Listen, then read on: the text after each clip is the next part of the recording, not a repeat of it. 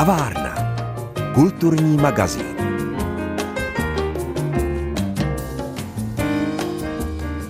Už příští pátek 18. srpna se posluchačům otevře Dobržská brána, pozoruhodný mezinárodní hudební festival, který se koná v malé vesničce v Pošumaví. Přesto na něj míří nejen stovky návštěvníků, ale především hudebníci z celého světa. Co je přivádí na jich Čech do výsky s necelými 50 stálými obyvateli? Na to se pokusí odpovědět dnešní kavárna, u které vás vítá Pavla Kuchtová.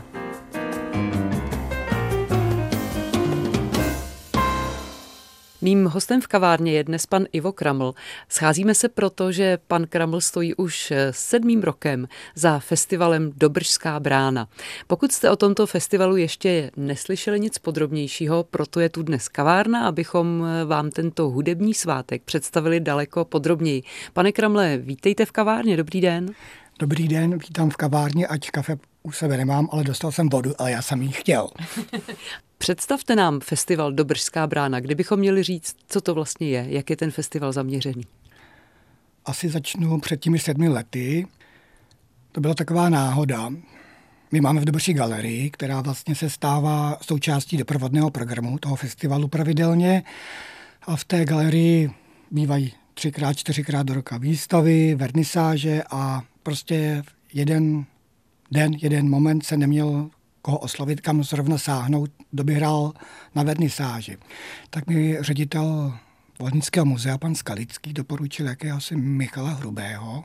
Ten se tam zjevil, prostě odehrál tu vernisáž a říkal, Ivo, co byste tomu řekl, kdyby jsme tady udělali hudební festival. No, tak já jsem jako pro každou špatnost, kultura je mě blízká jaksi v širokém spektru, tak jsem říkal, Michale, dobře, nejsem proti, dobře vaše, já vám pomůžu, jako bych řekl, logisticky, zázemím, nějakými kontakty, kde vzít pódium, kde vzít lavice, kde se čepuje pivo a možná nějakého sponzora, ale jinak dramaturgicky a hudebně to prostě bude na vás. Takže slovo dalo slovo a prostě ani ne za rok byl první ročník Mezinárodního hudebního festivalu. Jsme řekli, jak to nazvem nakonec prostě jak si přirozeně logicky název Dobržská brána, protože v Dobrž má mnoho památek, které vlastně jsou důležitou součástí toho festivalu. S jednou nich je ta renesanční žezdová brána, taková významná památka, tak jsme řekli, co kdyby to byla Dobrská brána součástí toho jména, kudy se vstupuje do toho světa té hudby. Nebyli jsme žádní profesionálové, já teda vůbec ne. Michal přece jenom hudebník protřelý klarinetista, hráč na dechové nástroje. Sice Michal měl představu, že tak se tady se vydáme pár známých, pozveme světové hudebníky, už teda na prvním ročníku musím říct, že byli. A ti přijedou do Dobrše, postavíme nějaký stan, nějaké pódium, trošku se u toho pobavíme, napijeme, poznáme se s přáteli a bude po festivalu. A já jsem si říkal, no, to je sice také hezké, ale na to slovo mezinárodní to bude trochu málo, tak jsme říkal, přece jenom to musí mít nějakou podobu nejenom obsahovou, dramaturgickou, ale i tu vizuální, protože ten návštěvník musí mít komplexní zážitek. Tak eh, jsme se snažili o něco více, prostě za těch pět, šest roků se to vyvinulo do takové podoby, která už je snad srovnatelná do jisté míry s renovovanými českými festivaly, především toho jazzového nebo alternativního typu. Samozřejmě, že na takové ty úplně zavedené, jako je Český Krumlov a další tady vlastně v Udělovicích, jeho Český jazzový festival, tak na ty nemáme a ještě asi dlouho mít nebudeme, i když plíživými krůčky se k nimi možná blížíme. To je samozřejmě záležitost měst, o kterých jsme mluvili, těchto festivalů, ale my musíme připomenout, že ta Dobrš, to je vlastně malá vesnička na Strakonicku, nedaleko Volině. A to je vlastně na tom festivalu taky jedinečné, že vy přinášíte kulturu do takhle malé výsky a kulturu skutečně evropských rozměrů, někdy i světových. Tak eh, jenom, abychom to ještě přiblížili, ta Dobrš, vy jste zmínil, že tam máte galerii, že tam máte zřejmě chalupu, pobýváte tam, nebo jste tam nastálo? Ano, de facto jsem mm-hmm. rodák, vlastně maminka tam prožila celý svůj život, teda ten schod okolností leto zemřela a ona jaksi jako venkovská učitelka tu kulturu velmi podporovala, vlastně přivedla mě k mému současnému povolání, Dobrž propagovala a Dobrž propagovala díky jejím krásným historickým památkám, dvomormánským kostelům, samozřejmě goticky představěných, tvrzohradu zámku, jak já říkám, protože se to vyvinulo od té gotické části až do té raně barokní. Je to malá vesnička, která vlastně má možná ani 40 obyvatel, trvalé žijících, vlastně čím dál méně. To je takový ten úděl českých vesnic dnešní, bohužel. V létě je tam teda velmi rušno, přijedou, jak se říká, lufťáci nebo takoví ti starousedlíci od rodilci do velkých měst na prázdniny, ale přijede i hodně turistů a my samozřejmě rádi využíváme toho genia Loci, té vesnice, proto aby jsme ten festival pořádali na třech pódiích, právě u toho zámku, ale také část se odehrává, komerní část se odehrává v kostele anebo u románské zvonice. Takže dobře je známa nejenom festivalem, snad i galerií, které provozujeme vlastně už tu galerii přes 20 roků, kdy vzniklo to Dobržské združení pro obnovu Dobrše, kdy jsem stál s maminkou a panem Farářem Víchem, tehdy u zrodu toho združení. No a teď je tam teda vpadnul jako vetřelec i ten festival, kdy samozřejmě na někoho je to velký svět v malé vesnici, zvlášť pro ty místní, kdy se prostě najednou dobrož promění, snad jako, nechci říct ospalé, protože v létě tam je díky turistům přece jen trošku živo, ale přesto vesnice žijící svým malým, pomalým tempem jako ručnou, víkendovou prostě oázu posluchačů bažících po kultuře a hudbě lidí z celé Evropy. Tak a my si o tom budeme povídat za chvíli dál. Hostem kavárny je dnes pan Ivo Kraml. Povídáme si o festivalu Dobrská brána, o té koncentraci, mimořádné koncentraci památek, které má Dobrš a které vlastně předurčují to místo k tomu, aby hostilo hudebníky světových men. Kavárna. Kulturní magazín. Ivo Kramlem, pořadatelem festivalu Dobrská brána, si dnes povídáme o tomto hudebním svátku, který letos znovu v polovině srpna oživí malou vesničku Dobrš nedaleko Volině. Pane Kramle, vy jste ten festival tedy od počátku vyprofilovali. Nakonec jste si řekli, že bude dobré věnovat každý ročník nějakému jinému nástroji. Je to tak.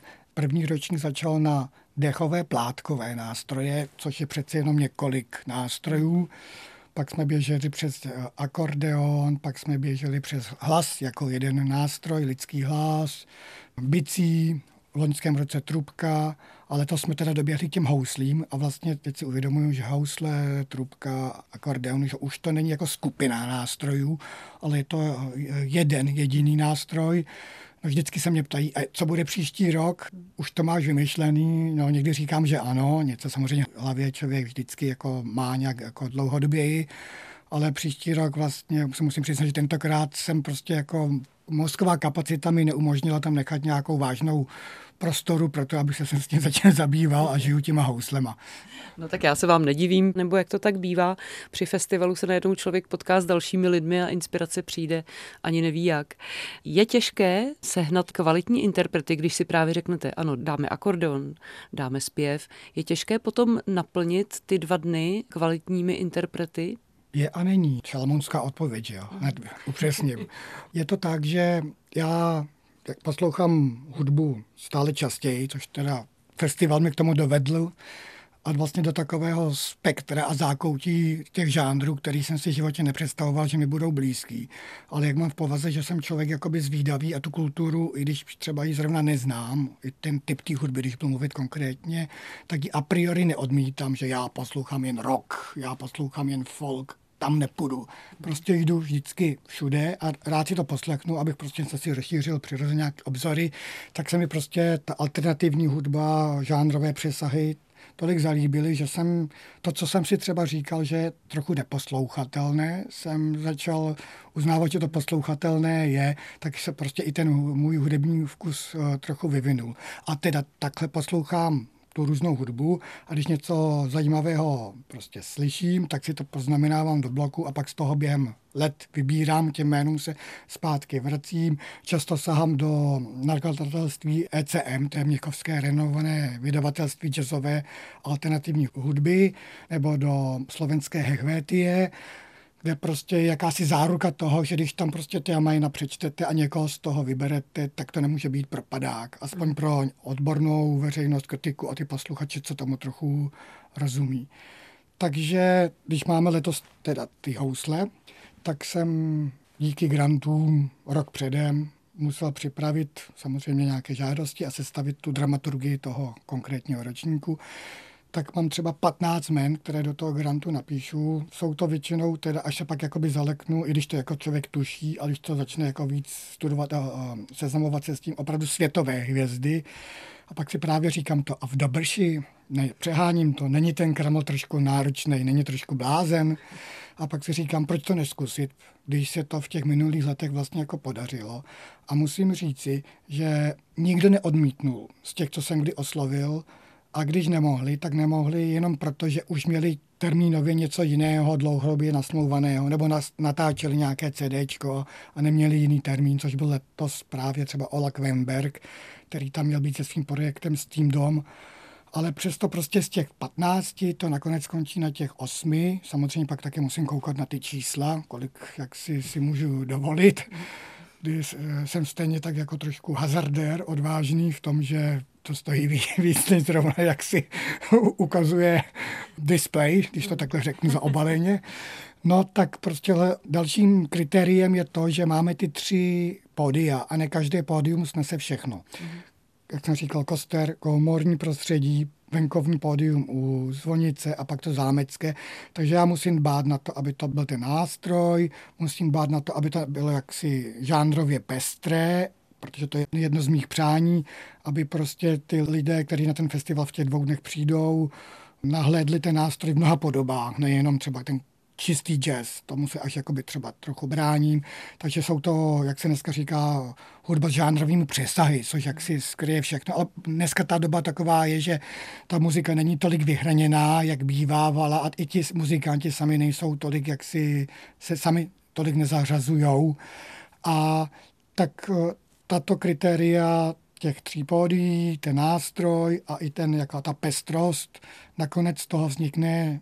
Prostě taková sestava osmi, devíti koncertů a letos a vlastně už v loňském roce plus jeden workshop, takže o tom si můžeme povídat třeba už konkrétněji, co to teda vlastně letos bude. Ano, vy jste mi krásně nahrál, tak já jenom našim posluchačům připomenu, že mým hostem v kavárně je dnes pan Ivo Kraml z festivalu Dobrská brána. Jak bude vypadat konkrétně tedy ten sedmý ročník, který se uskuteční zhruba v polovině srpna, o tom si budeme povídat po hudební ukázce.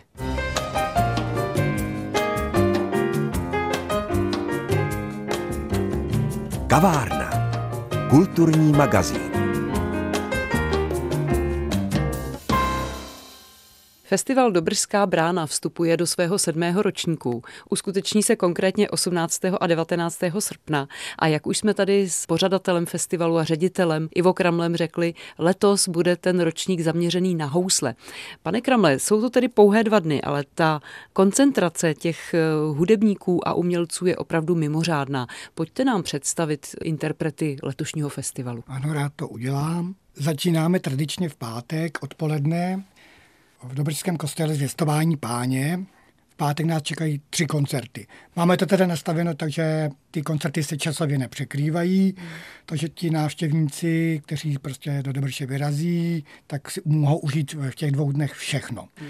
Jak jsem říkal, v pátek tři koncerty, První koncert je Stanopalu, slovenský houslista, už takový jako matador houslový, ale nevěkem, jenom jako by tou profesí.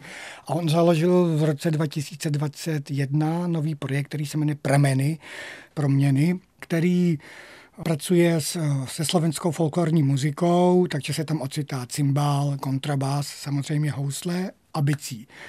Tak to bude úvod v Dobrském kostele, pak se přesuneme už na hlavní pódium, kde se objeví Alois Zatloukal se svým kvartetem, který se jmenuje Rusty Cowboys. Když jsem vybíral toto, tak jsem trošku jako bystřil díky tomu názvu. Koncert jejich jsem si samozřejmě poslechl, je to mladá kapela studující na Hamu a dvě kytary, bicí a housle jsou tam vyvážené, že on si nezakládá na tom, že Aleš Zatloukal je, je solista, jsou to prvky amerikány, rudroku a lidové hudby. Je vlastně zajímavý, že tu lidovou hudbu do těch svých vystoupení, do těch svých skladeb pouští jako většina těch interpretů, asi v nějakých melodiích a ozvěnách, samozřejmě už jako si téma pro fajčmekry, ale je tomu tak. A tak nakonec ta lidová muzika s těmi houslemi se pojí docela neodmyslitelně, tak je to asi logické, že pořád ty názvuky se tam objevují u všech těch, skoro u všech interpretů. Čím ten páteční den zakončíme? No to se velmi těším. Bude to polský houslista Adam Baldych, který si přizval ke svému kvintetu Agátu Šimčeskou, což je slavná polská hráčka na housle, ale z toho prostředí vážné hudby. A oni se rozhodli přetvořit klasická témata, barokní a jiné prostě klasické hudby a klasické interprety do jazzového hávu, takže to je vlastně nezvyklé spojení těchto dvou interpretů a velmi se na to těšíme. Ostatně vybral si to i Český rozhlas Vltava pro svůj záznam. Ano, nás to těší. Je vidět, že dramaturgie Dobržské brány odpovídá i náročnému posluchači Vltavy. Pojďme na sobotu. Říkal jste, že vlastně i ten posluchač bude mít čas užít si všechny koncerty, nepřekrývají se, bude mít čas vlastně nechat doznít to, co slyšel. Bude toho opravdu hodně, stejně, ale i tak. Bude, bude. A to vždycky váhám, jestli třeba jeden koncert už jako nevyškrtnout. Jenže těch jmén je tolik, který jaksi jsem rozjednal a pak jim nechci říkat, že tak ne, už se sem nevejdete. A nebo bylo by škoda, kdyby tam jako v Dobrši nehráli, takže prostě jich bude devět. Šest jich je v sobotu. Začínáme tedy dopoledne už workshopem. Na workshop jsem pozval Scotta Tixíra, což je francouzský rodák, žijící ve Spojených státech. On bude vystupovat odpoledne i se svým dvojčetem Tonym Tixírem. A Scott Tixtier Duo je vlastně takové bluesovo-jazzové uskupení a Scott je známý vlastně tím, že on má pět Grammy což je jaksi velmi úspěšný muzikant a vlastně v jeho výčtu, tam, kde všude koncertoval, těch slavných hal, tak Carnegie Hall, Radio City Music Hall, Pařížské filharmonii, nebo interprety, se kterými získal ty Grammy a se kterými natáčel, tak Ed Sheeran, Elton John, Pink Floyd, asi bych mohl jmenovat teda další, ale asi všichni si dokážeme domyslet, tak prostě tento mladý muž se svým bráchou Tonym se ocne v Dobrši, aby měl workshop houslový, na který snad přijdou studenti hudební škol a konzervatoří a večerní koncert, předposlední koncert na zámeckém pódiu. Neuvěřitelné. Tak taková jména jsou v Dobrši letos. Jaká další, jaké další interprety jste ještě přizvali? Ze Švýcarska přijede Paul Giger, ten koncert je umístěn do Dobrského kostela, protože to téma jeho alba Ars Moriendi je téma vážné, je to téma o životě, smrti, spiritualitě, estetice a tak dále. Další, který do Dobrše přijede, jsou pak Češi a to je spoluzakladatel festivalu Michal Hrubý, ale jako doprovod Víta Nermuta, který bude hrát na Fidulu, což je jako alternativa, historická alternativa houslí. Pak tam bude trio Romanovská Havláková Jakeš ve spojení s performerkou a tanečnicí Janou Látalovou.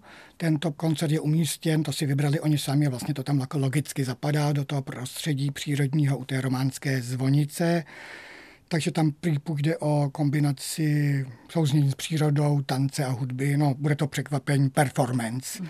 Ještě zmíním SVA trio, které vlastně nebude trio, Alexej Aclamas, ale bude to SVA 5, protože oni si přizvali k sobě dva další významné české hudebníky, a sice trumpetistu Miroslava Louclala a bubeníka, nebo hráče na bicí, abych to řekl lépěji, Miloše Dvořáčka. A úplně poslední, co zmíním, a vždycky dámy dávám nakonec vrchol festivalu, tak letošní dámou na závěr je Ilian Canizares. To je hudebnice narozená v Havaně. Je to na ní se vším vidět s temperamentem, fyziognomií, barvou pleti, španělštinou a ta přijíždí do Dobrše se svým projektem Resilience Trio, jinak žije ve Švýcarsku, je to prostě renomovaná světová hudebnice, věřím, že to prostě bude jako zase živý vrchol celého festivalu poslední koncert v 21 hodin večer a pak už se všichni rozejdeme vlastně ještě do, zpátky do Dobrské hospody, kulturní památky, která tvoří zázemí celému festivalu. Bez té by to bylo velmi těžko absolvovatelné. Je to teda omšelá budova, jak já říkám se vším všudy, ale která má také své kouzlo. A ještě poslední věc, kterou musím zmínit, já jsem s tím vlastně ten rozhovor jako neříct, začínal, ale zmínil jsem to téměř v tom začátku, a to je ta výstava, která je v té galerii Kokov dopoledne v 11 hodin, bude vernisáž, Každoročně se tohoto výstavního termínu ujímá kurátorka Lucie Šiklová. Letos tomu dala název Exprese i tichá, i silná a můžeme se těšit na tři renovované české umělce, nebo vlastně dvě umělkyně, abych skloňoval, Elišku Jakubíčkovou, Josefínu Duškovou a na pána, na známého výtvarníka Jakuba Stretyho. Tak to bude pestré, doufám, že to přežijeme přežiju.